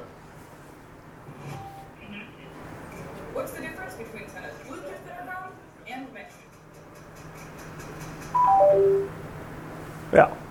Der er det jo kort fortalt som eh, hun sier her. Vanlig, klassisk Bluetooth intercom, som fortsatt er de fleste modeller, egentlig. Er man kobla sammen som et tog. Eh, hvis vi fire er kobla sammen her nå, og du finner ut at vet du hva, jeg stikker en annen vei, eller kommer litt langt unna, rekker ikke et lyskryss eller sånn, så er det mest sannsynlig på de fleste modeller da, så mister vi tre da også forbindelsen til hverandre. Innimellom henger man igjen med én eller sånt, men, men det ryker da, hele rekka hvis én forsvinner. Hele rekka. I utgangspunktet så gjør det det. Men det har blitt forbedra litt underveis. Men, men liksom, teknologien er sånn at det er bygd opp at jeg snakker til deg gjennom han, og vi to snakker til deg gjennom han. Så hvis han forsvinner, så mister egentlig vi vår forbindelse, da. Jo, det er, Det er,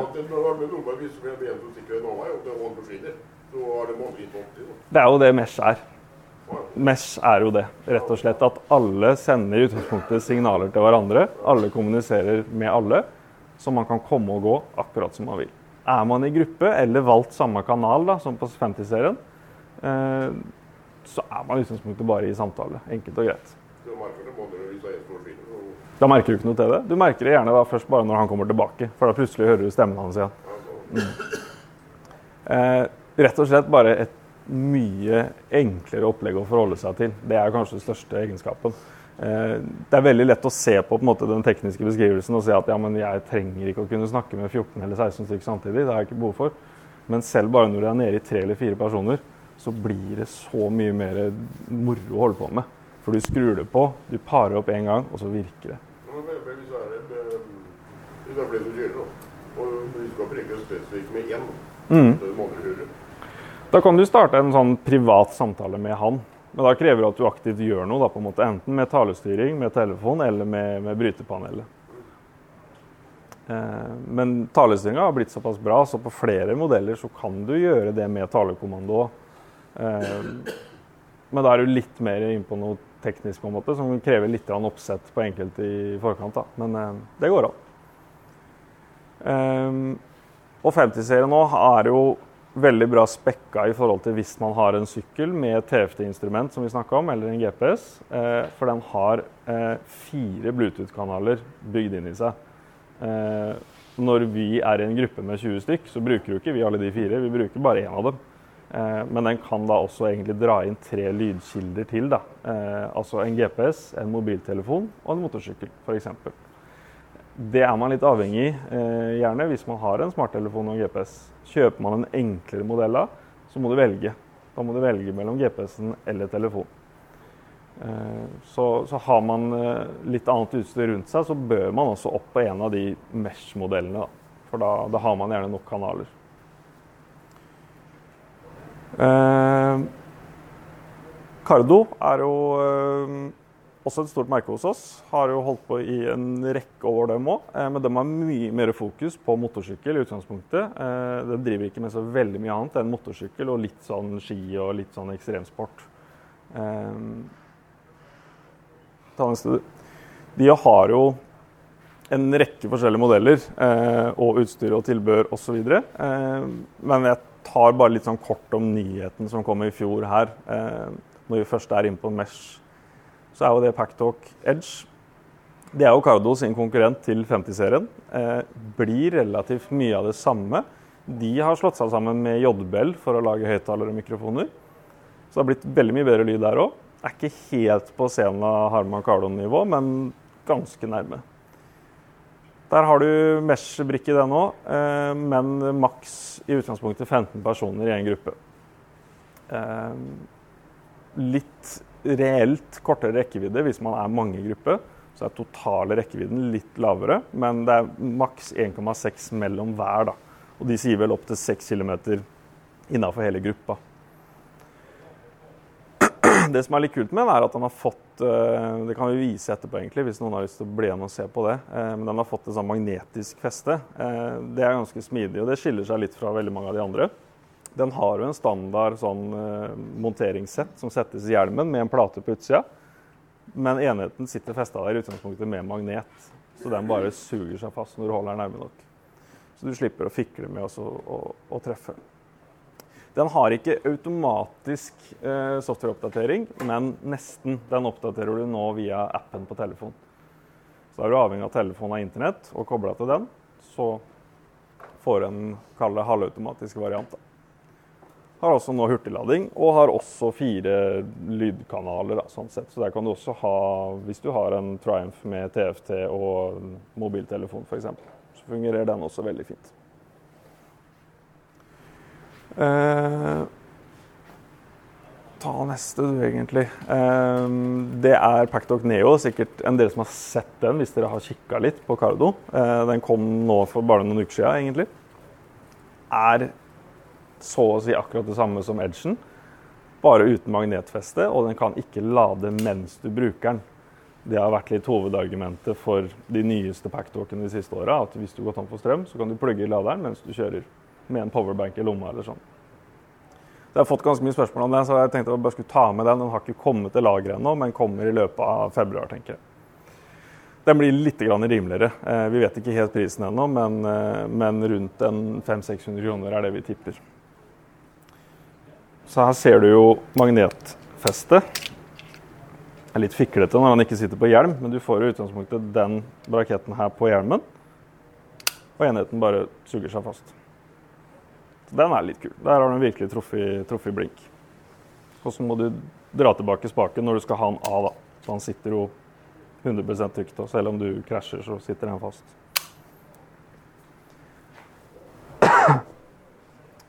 Eh, ellers så har jo også Cardo eh, litt sånn kjapt om det, de har jo også veldig mange enklere modeller som er nede i tokanal og egentlig ikke intercom i hele tatt, som bare er et lydsett for å høre på musikk fra telefon.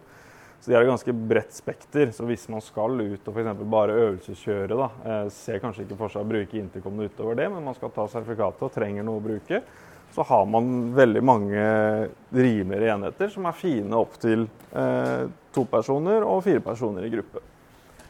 Men da mister man en del av de litt avanserte tinga, som å kunne koble opp GPS og telefon samtidig. Da. da må man gjerne opp på en av det vi kaller toppmodellene. Mm. Jeg vet ikke, Hadde jeg noe mer da? Nei. Skal det er noen som har noen spørsmål? Ja? Jeg tenkte vi, De som er interessert, må gjerne bare komme opp og kjenne litt og mm, trykke litt og, og høre litt, hvis man, hvis man, ønsker det. Yes. Mm. Veldig kult. Mm. Supert. Da er det bare å stille spørsmål, så takker vi for tida deres og at dere ville ta turen. Så er det som sagt bare å komme opp og se på og stille spørsmål hvis dere har noe mer eh, i detaljplan. Mm. Takk, takk. Og hvis noen vil prøve airbag-vesten òg, så er det bare gjør det. Ja, så kommer det jo plutselig til meg. Det var jo eh, Marius og Martin vi har hørt eh, fortelle om eh, henholdsvis eh, airbag-vester og eh, intercoms. Jeg syns også det er veldig greit å høre om det intercom-greiene, for det er liksom Jeg har ikke det selv, jeg har hatt det en gang for mange år siden. men veldig greit å forstå eh, teknologien, og forstå eh, hva du faktisk kjøper når du går og kjøper en intercom, sånn at man er litt forberedt på Ja, kanskje undersøke litt på forhånd, eller eh, vet hva man snakker om når man er hos forselger. Kjempefint eh, foredrag eh, hos eh, Alf Grårud Motor der, altså. Hva syns dere, Jeg syns det var ganske greit. det. Airbagen syns jeg var greit, men det er jo ikke helt for oss, da. Nei. Nei, Ikke ennå, i hvert fall. Jeg trodde, jeg trodde måtte komme lenger. For det var liksom, nå er det like før at den blir lansert. Så hørte jeg egentlig om det var fjor eller forfjor. Mm. Men de driver og tester ennå. For det, det at de kjører i Paris-Dakar, det gjorde de for to år siden òg. Ja, ja. Og det, men det er jo for å teste. Ja, ja. Ikke sant? Så Du tør var ikke komme med det. Nei, nei, nei. Jeg har vært uh, prata med dem masse på Snellingen angående den Alpine Starns. da. For han har jo den. Eh, jeg er veldig sugen på å ha en sånn bare for å pendle til og fra jobb. Ja, det vil jeg tro. hvor jeg jeg skal være. I Bybildet så kan det være Ja, i bybildet så er det helt genialt. Og du så jo bare på den, der, altså den testen de viste, hvor han står og slår Ja, med et jernrør. Ja, Ja. Det er ganske beskrivende. Ja, ja, det var det. Det var er veldig, imponert. veldig, veldig, veldig bra. Hardt han, Ja. slo på den airbag. Jeg ble imponert. Ja. Du hadde ikke gjort det med ryggskinnet. Nei, jeg så han var så innmari forsiktig med ryggskinnet. Veldig. Og bare det i seg sjøl er jo en ja. demonstrasjon nok Det er luft, luftpute du faktisk slår på. da. Ja, det er det, vet du. Det er jo slått på madrass. Det ja. Det fins en annen podkast, amerikansk podkast, som har tatt for seg dette her veldig og prata med de utviklere i Alpine Stars og sånne ting. Som prater veldig dypt om dette her. og Den begynner å bli gammel allerede. Den er sikkert langt over et år allerede, den podkasten. Så det har sikkert skjedd veldig mye på den tida Ja. allerede. Men da får du godt inntrykk av hvor langt ned i dybden de går, og det han snakker om at, han har disse, at de har disse bussene hvor det sitter folk bak instrumenter og paneler og bare får med seg all dataen. Det var også da snakk om dette her med at eh, det er strengt å utlevere informasjon Ja. eh, til forsikringsselskap, til politi osv. Mm. USA er jo, har jo helt andre typer regler. Og han snakker om GDPR, så er det noe som gjelder for eh, EU, Europa. Og i USA så er det helt sikkert andre regler som gjelder. Så ja, interessant. Ja, det var det. Det er nok et stykke frem til vi liksom kan ha på samme vesten fra vi kjører hjemmefra til vi er ferdig med å kjørt eh, roadbook og helt tilbake igjen. Jeg vet ikke om den noen gang kan bli så bra. nei, det var det jeg satt og, jeg, jeg Vi skal av og til kunne dette av, uten at det Av og til skal vi Ja, dette. jeg gjorde det på en av turene våre i Ja, fjor. Så ja. stupte jeg av. Det var, gikk jo fryktelig smått. da, Sikkert ikke mer enn kanskje 20 km maks. Kan jeg tenke meg. å Stupte av sykkel. Så vi skilte jo lag, måte. Så da hadde den antagelig løst ut, vil jeg tro, sånn som det er nå. Måtte ha gjort det. Selv om det ikke gikk fort, da. Men det er klart det her er hvis man hastighets... eh, legger inn det, kanskje. Jeg vet ikke. Hvis vi hadde lagd noe som kunne vært en kombinasjon av airbag-løsninga og den gamle crossbrynja som vi kjørte med før i tida, med den hardplasten på utsida og litt sånn småpolstring, så hadde du hatt mulighet til å tippe og hvelve i 20-30 km i timen kanskje, og ta en sånn OK støt og kjøre videre. Og hvis det lå data nok til å utløse airbagen når du faktisk trenger det. Mm. den uh, Artistar den hadde jo eh, ryggskinne, så den, er, den kan jo slå av airbagen, så har du fortsatt ryggskinne. Det har jo ikke den. eh. Og det kunne du med en app på telefonen. Så kunne Ja, ja. Eller den her. Ja. Ja. Det de ikke prater om her nå, det er jo selvfølgelig da alle de eh, løsningene med snor. Ja. Ikke sant? Hvor du kobler deg til med en, eh, med en sånn god gammeldags dødmannsknapp, for å kalle det det. Ja. Men det som er forskjellen da, eh, det er at de airbagene som du er kobla til, de skal de har, Du kan ikke gå av sykkelen og snu deg og begynne å gå bort til kiosken, og så løser den ut. Det klarer du ikke. For den trenger 30 kilo for å dra ut. Og det skal, det, 30 kilo er ganske mye før du får, får utløst noen ting. Så det går ikke. Med mindre du er eh, tanks. Men det som er eh, fordelen med en sånn vest, det er at når du utløser den, så kan du ha egne ampuller med deg. Og så kan du bare bytte den. Du kan bare flatpakke hele airbagen igjen, og rulle den inn sammen og få den inn i jakka. Og bare sette deg på og kjøre videre igjen. Og hvis du da kjører offroad adventure og løser ut, så har du den ampullen. Og det stiller ikke noe krav til at du skal levere den inn på service og sende den ned. Alpine Stars de sender at du skal sende den ned, ikke sant. Det er mye styr. Det er det. Koster det. I hvert fall hvis du bare har hvelva i grøfta. Rulla den litt nedover. Og det vi hører her, dere, det er rett og slett uh, undertegnede som blir uh, ganske revet med i uh, situasjonen og etter alt vi har hørt. Og så har jeg hørt andre ting på andre steder, men det er i hvert fall ett år siden dette opptaket ble gjort, og det er klart, eh, den utviklinga, den har vært rivende. Helt eh, hysterisk, og i dag så får vi altså eh, airbag-vester med hardplastpadding eller mykpadding, kall det hva du vil. Jeg vet ikke. Trøyer og alt mulig. Siste jeg hørte nå, er til og med en ryggsekk som kommer med airbag.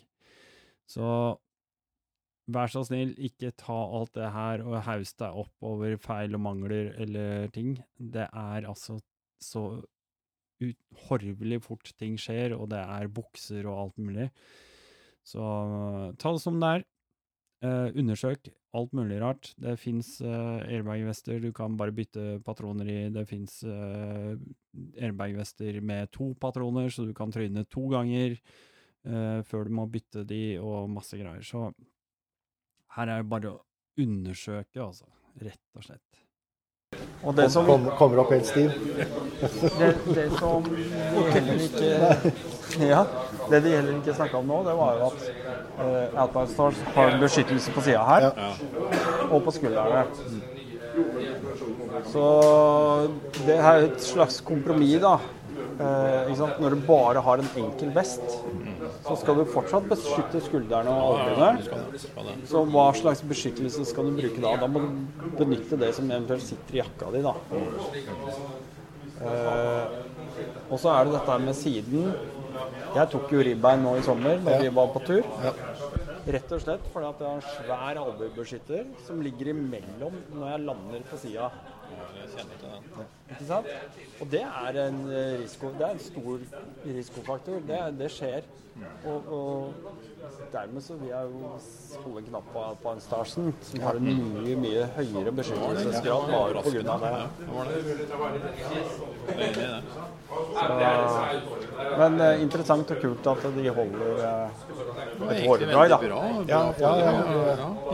Tenkte at når jeg kjørte nedover, så var det kanskje litt, eh, litt kjedelig valg av Nei, men det var faktisk ikke det. Og det med meshen på de der intercomene er genialt. Ja, den var veldig kjappere å koble opp, og, ja, og kanalvalg. Ja, for det visste, jeg visste ikke at det var kommet så langt, så det var kjempeinteressant. Mm. Er det det du vil ha nå, eller? Ja, jeg må bytte ut Kaido nå. Ja, så det blir eh, Sena. Bente ryker på det i dag. Jeg var litt Ja, Har ikke vi mesh fra bura? Nei, det tror jeg Jo, Nei. Hettebull, hvis vi prøver å koble så. Vi har kjørt sammen i flere år. og begge to har samme kardio og har ikke prøvd å koble ennå. Han hører jo bare på musikk. Jeg, når han kjører foran, så ser jeg bare beinet på han går. Ja, det er bare Ro. Rockefoten går. det er det eneste. Nei, Jeg kjøpte jo Cardo, jeg har hatt det i mange år. da. Alltid hatt Cardo. Og så kom det med den der GBL-høyttalere. Og det var en helt annen verden. da. Du kan ikke høre på musikk på dårlige høyttalere. Det. Det går ikke. Da var det en mulighet. Nå har jo de Sena kommet med gode høyttalere, så er den muligheten. Jeg så den hjelmen. Jeg var jo litt mer interessert i den hjelmen da, i forhold til eh, Du så det integrerte Sena-hjelmen. Så så du de hadde en klokke som på en måte legger seg Det var nok en on air-klokke, da, ikke rundt. Eh, Jeg tror ikke du får den klemmen. Sånn som i hjelmen min, så måtte jeg holdt på å si nesten grave av isen for for å få plass. ja, ikke sant? Det, Det er litt avhengig av hvilken type hjelm du Ja. Jeg har jo den Arai-hjelmen, og den har veldig gode sånne lommer for øra. Så den, det funker ikke for meg som har litt svære ører og svære kål, Ja, kålbrekker, det så er det klart at og det, øra vokser, vet du. Ja, det gjør det. Det stopper aldri, da. Nei. Det er altså nesen. Ja, Vokser gjennom hjelmen. da. Ja. Bare så svært viser over på da. utsida. Nei, så det er noe litt med det at det, hvordan hjelm har du, og hva må du, hvordan tilpasser du det. Altså, plassering har veldig mye å si. Det kan bare være noen millimeter justering på de øreklokkene, så, så bommer du litt på lyden. Det jeg ikke fikk helt klart svaret på, som jeg ønsker mer utvikling på, det er jo altså Hvis du ser på den Sena-hjelmen, så har de da disse innbygde øreklokkene, som er veldig, ser veldig bra ut. Men det jeg snakka om som er aktiv støykontroll, eller aktiv støydemping, det er jo sånn som det der headsetet jeg satt med i stad, sånn Sony-headset. Bare trykker på en knapp, og så bare Så blir det helt stille. Så maskiner og alt bare bråker som faen. Og du lurer på Ja, men jeg tok på meg Hadde du tatt på deg vanlige øreklokker, sånn som gamle dager, da, med støy, kjøre traktor og sånn, så blir det veldig bra. Skyter, f.eks. Blir veldig bra. Men den der aktive støydempinga, der er det høyttaleren som motvirker utvendig lyd. Sånn at det blir enda mer stille.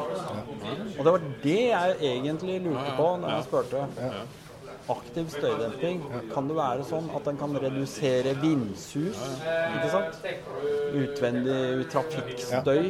Eh, For det som skjer nå, så kjører den bare opp lyden hvis det, hvis det bråker mye. Ja, og det var ikke det, det, var ikke det svaret jeg hadde. eh, eller det, det jeg lurte på. Men jeg kan ta og høre, må høre litt mer. Litt. Ja. Eller ja, har dere dårlig tid? Nei, nei, ikke dårlig. Jeg skal titte på litt sykler og sånn. Jeg skal ikke ha med meg ny sykkel i dag. Men. Kjøpe hjelm, og så skal jeg kjøpe intercom, og så sykkel. Så. Veldig bra. Jeg fikk rett og slett uh, huka tak i Marius igjen, bare for å stille noen sånne avsluttende spørsmål til denne airbag-vesten.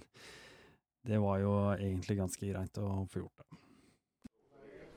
Det er jo Generalprøven er alltid best å ta på prøven, er det ikke det? Jo. Bare kaste seg ut i det. Ja. Nei, men, Nei da, men det er jo litt den, salg, den salgsgjennomgangen vi gjør med kunden når noen ser på det. Det er jo egentlig den vi må ta fram her, da. ja, ja. Og det er jo såpass mye at der, skal du ha en godt salg egentlig på den intercomen, så er det egentlig den praten på tre kvarter Ja, som du nesten må ha, da. ja, ja. Så det er jo det som er fint å få det litt ut, da, at folk er mer klar over det. Mm. For det er eh, Jeg syns det virker kjempebra. Nesten det som overrasker meg mest, er egentlig jeg har brukt den Tekker 5-en når jeg har kjørt, er at du ser på varme dager at egentlig hvor bra det fungerte. Du skulle tro at du Ja, for det var et sånt spørsmål jeg hadde egentlig lyst til å legge inn. da. Akkurat den der med, med luftgjennomstrømning og sånt. Ja. Ikke sant? For det er klart, det blir tett. Det er, Det er et lag til uansett hvor hvordan man driver den på. Det er ikke som å åpne glidelåsen i jakka, og så har du lufta rett inn. Sånn må det bli. Nei, overraskende. Jeg er ekstremt positivt overraska for det. Og det er, det er nesten 30 varmegrader. Det gikk fint. Altså. Ja, ja. Så fikk jeg jo da endelig stilt uh, 1000-kronersspørsmålet, og det var jo selvfølgelig hva med en airbag-vest med harde beskyttelser på? Ja, du var så vidt innom det. Google uh, du Stars Tech Air Rally, så får du faktisk bilder av Ja. Så den. Den stoppa De var vel egentlig på vei til å lansere den samtidig som Tekker 10 og Tekker 3 nå. ja. Men så så de det at det er ikke bra nok. Da, da venter vi. Ja, det er bedre å lansere et produkt som virkelig funker, at du ikke får eh, masse oppblåste smeller. Det er som liksom jeg sitter trenger. og altså Klin har jo airbag-vest mor, liksom, men når du sitter og ser på det, diskuterer med leverandører, du hører hvordan de jobber, så er min Jeg hadde, valgt ti av ti å kjøre med Alpinestars kontra, Ja. Kontra de andre produsentene.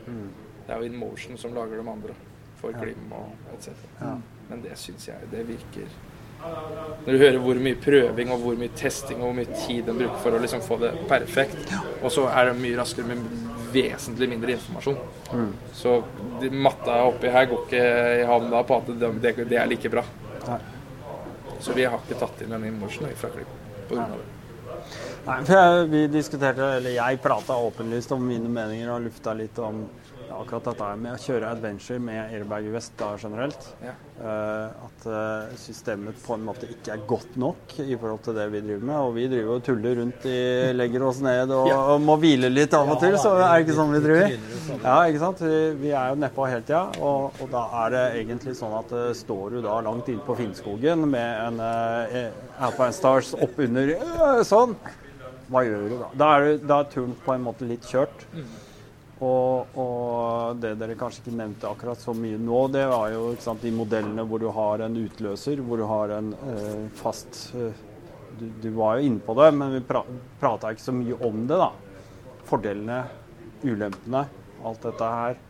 Eh, hvordan det kan være en større fordel for oss som eh, kjører rundt som grusnisser, at vi kan ha med oss en ekstra patron. Vi kan faktisk pakke sammen vesten igjen, Ja. sette inn en ny patron og kjøre videre. Ja. Og det er eh, Og den løser ikke ut av, småtteri. Du trenger kraft. Du må ha 30 kg før du drar ut en sånn.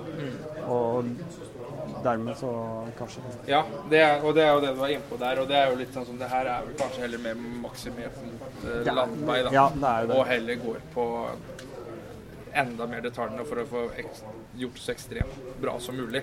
Hvis du hadde lagd den Alpine Starsen som en kombinasjon med en gammel crossbrynje med plastikk på utsida ikke sant? og tynn padding inni, så hadde du egentlig hatt en veldig optimal airbag-vest for adventure-kjøring. Som du kunne tryna litt og lagt deg litt ned eh, her og der. Den. Det kommer, det. Skal vi se. Kommer det? Der har du. Der har du. Da ser du har den klassiske arbeidsplassbrynja, plastikk foran. Og så har du airbag-systemet i. Der har du egentlig den som skulle til å bli lansert. Er det den adventure-saken du prater om? Mm. Å, fy faen. Mm. Ja, ja. Skal vi se, Jeg mente jeg så et bilde hvor de var en eller annen av de kara. Der ser du blir den, blir den brukt. Ser godt i gang. Men den bruker den i Rally Dakar, og det er litt som jeg var veldig kort innpå. Um, og det er jo liksom Det er jo litt morsomt liksom, når de flyr av sykkelen og lander nede i sanda, liksom. Så blir det, han, blir jo forbanna hvis den løser seg. ja, han har ikke tid til å tenke Nei. at den skal inn. Nei. Eh, og da er jo de tilbake i den bussen da, og eh, klager. Ja, nå løste den seg for tidlig. Ja. Ja. Nå løste den ikke seg. Det er jo den balansegangen, da. Men det var jævlig fett. Jeg har aldri sett bildet, og da Det er Nei, kult at noen har på Instagrammen til Alpine Stars. Var der jeg så den. Eh, og så forsvant det egentlig ganske kort tid etter. Men da lanserte de Tekker 3, Tekker 10 og den. Og så trakk de tilbake den på grunn av eh, Ja, men da er det jo bare å vente litt, da. Så det er det, den, men det er, jo, det er jo mer faktorer, kanskje, da, på den grusveien. Og det er jo samme det at hvis du hopper med sykkelen, da. Mm. Ja, ja. Ikke sant. Den, den hadde blåst seg ut sånn. Ja. Eh, men den her skal jo da tåle den da, når du flyr bortover der. Så det er jo spennende hvor langt de drar den inn mot cross enduro òg. Det har vi jo ikke helt Det vet de, har de kanskje ikke helt svar på sjøl ennå. Da får vi bare holde gummisiden ned imens, ja. Så det er litt spennende, den der. Men det er, det er jo Hver sak er jo så unik hvis du går på huet at det er jo Det er vanskelig. Ja, ja. ja. Det er egentlig ganske imponerende så at det fungerer sånn som det gjør. Ja, det er jo det. Skal jo innhente veldig mye informasjon som skal Ja, men vi hadde vel 20 år med airbag eh, i, i, eh, i sin eh, utvikling med racing og sånn før de dro det på landevei, eller til privat. Så det er kult. De hadde jo nakke og sånn før òg. Takk for praten. Jo, bare hyggelig. Og det var det vi hadde i denne episoden. Første gang utgitt altså for ett år siden til mine patrients. Tusen takk til eh, Marius og Martin på A-Game. Tusen takk til eh, Espen og Bent, som eh, var et supert følge den dagen. OK, inntil neste gang. Vi høres. Hei.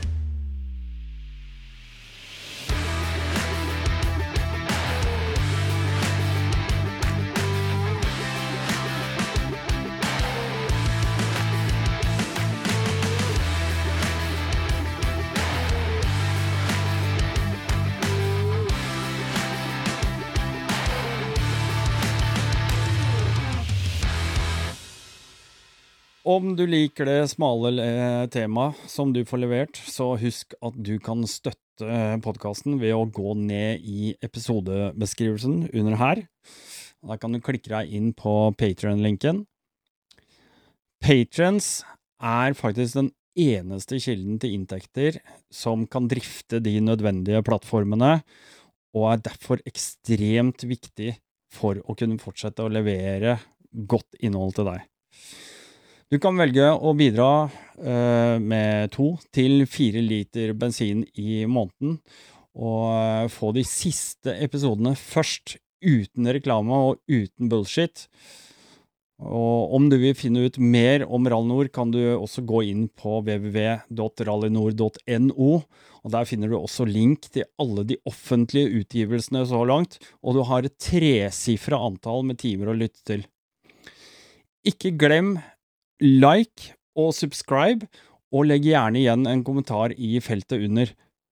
Spre det glade budskap, og så ses eller høres vi i en annen episode. Og med det her så takker jeg for denne gangen, og jeg sier rett og slett bare én ting. Shalabais.